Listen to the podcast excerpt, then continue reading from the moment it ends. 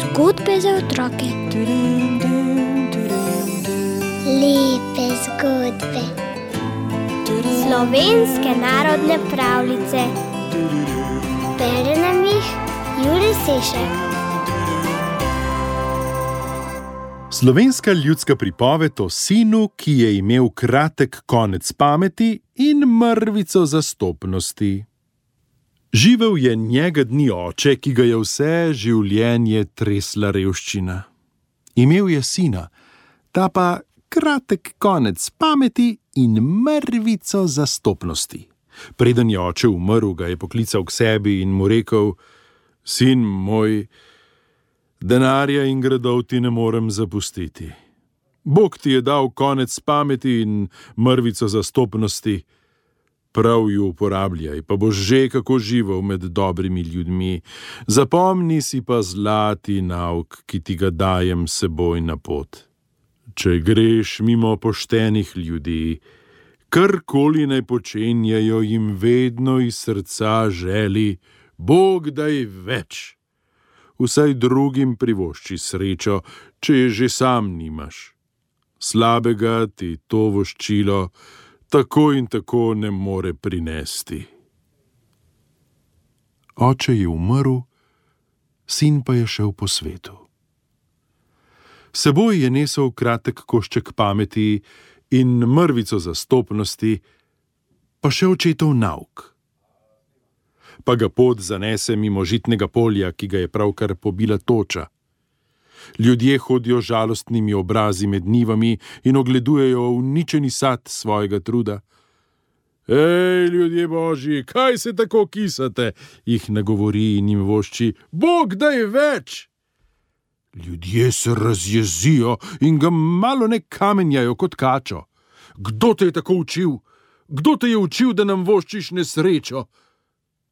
Sin se začudi in vpraša: Jo, kako bi pa moral reči?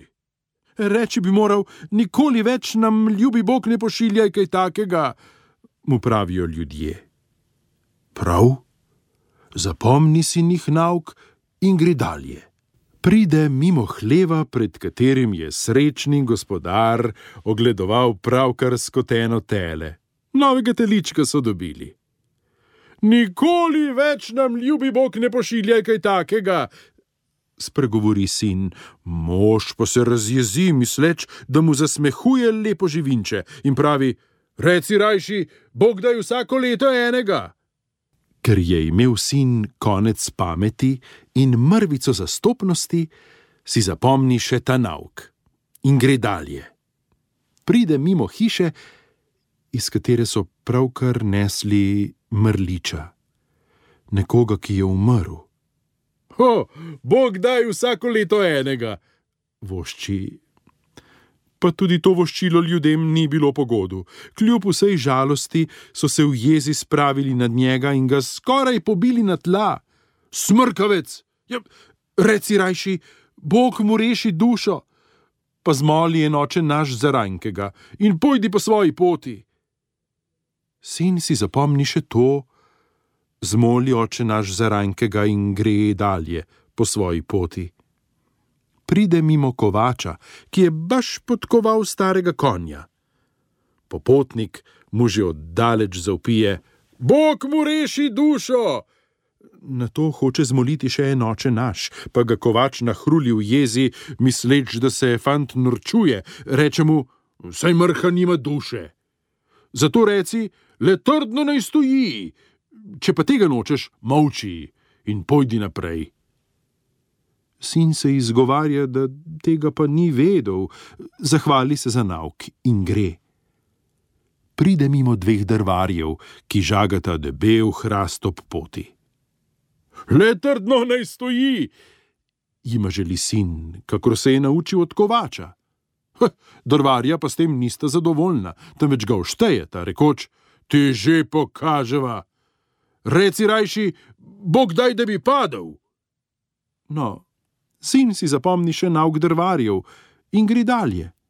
Pride do fanta, ki je splezal na košato vrbo nad potokom, da jo oklesti. ustavi se pod vrbo in želi fantu na vrbi: Bog daj, da bi padel!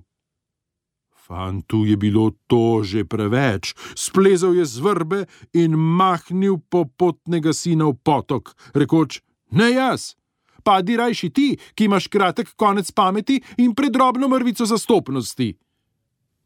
Od tu dalje molči zgodba o popotnem sinu. Jaz si mislim takole.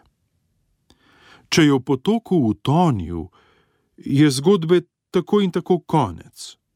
Če pa je srečno prilezel iz vode, mu je ta hladna kopel morda toliko pomagala, da se mu je podaljšal prekratki konec pameti in povečala predrobna mrvica zastopnosti, tako da je želel ljudem dobro vselej, le po njih prilikah in sreči.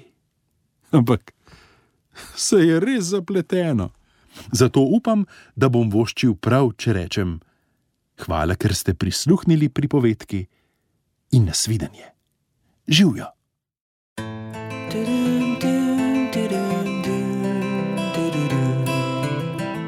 Zgodbe za otroke.